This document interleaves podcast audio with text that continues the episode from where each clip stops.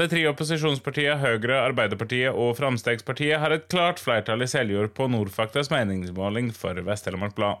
Størst er Høyre, som får 24,7% i lokalavisa si måling. Arbeiderpartiet får 24% medan Framstegspartiet får 14,8 Samla kommer de tre partiene inn med totalt 11 representanter i det 17 medlemmer store kommunestyret i Seljord, dersom VTBs måling blir valgresultatet. Det er oppløftende, ei god løypemelding, sier Solveig Sundbø Abrahamsen, ordførerkandidaten til Høyre. Abrahamsen sier det ikke er gjort noen avtaler på førehånd med andre parti, men konstaterer at det har vært et konstruktivt samarbeid mellom Høyre, Arbeiderpartiet og Fremskrittspartiet i opposisjonens siste valgperiode. Nordfakta Markedsanalyse AS har spurt 150 personer bosatt i Seljord kommune om valget.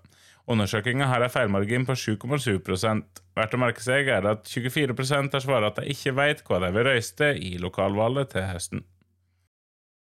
Telemark Utviklingsfond har levd vel 7,3 millioner kroner til Visit Telemark. En satsing innen markedsføring gir en kostnad på nesten 22 millioner kroner til fire prosjekt, der målet er å øke turiststrømmen til Telemark.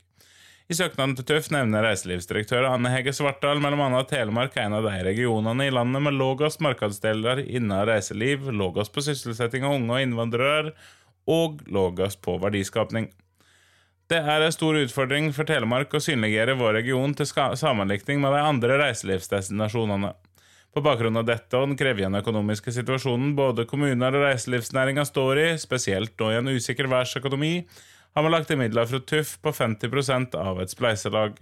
Vi håper TUF vil være med på å bidra til et slikt nivå for å støtte opp under det enorme engasjementet og fellesskapet som nå utvikler seg i Telemark. På den måten vil vi ha mulighet til å øke markedsdeler, spesielt fra den internasjonale markedet, skriver Svartdal.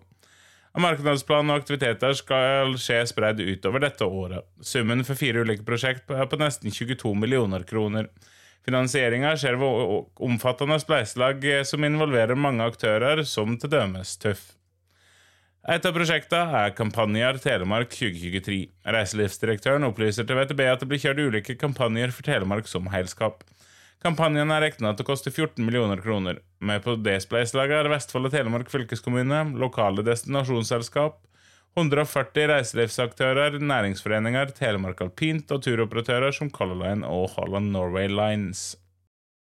Torsdag 24. august braker det løs med Odd Nordstoga og Benedicte Maurseth som åpner Litteraturdagene på Raulandsakademiet. Etter åpninga tar programmet for seg folkemusikken som motkultur, før bandet Isak står på scenen, og melder Vinjesenteret i ei pressemelding.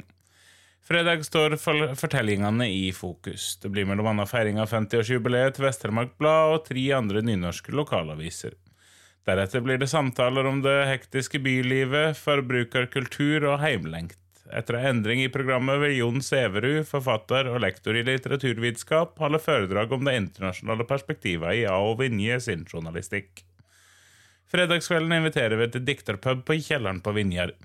Der blir det både diktlesing og en livlig og humoristisk konsertoppleving med Stien Karstensen og Ola Kvernberg. Dette blir en morsom kveld, sier Marit Tveiti, digitalforvindler for Nynorsk kultursentrum og Vinjesenteret. Parallelt med diktapuben blir det omvisning i Vinjestoga. Tusen takk for at du hørte på.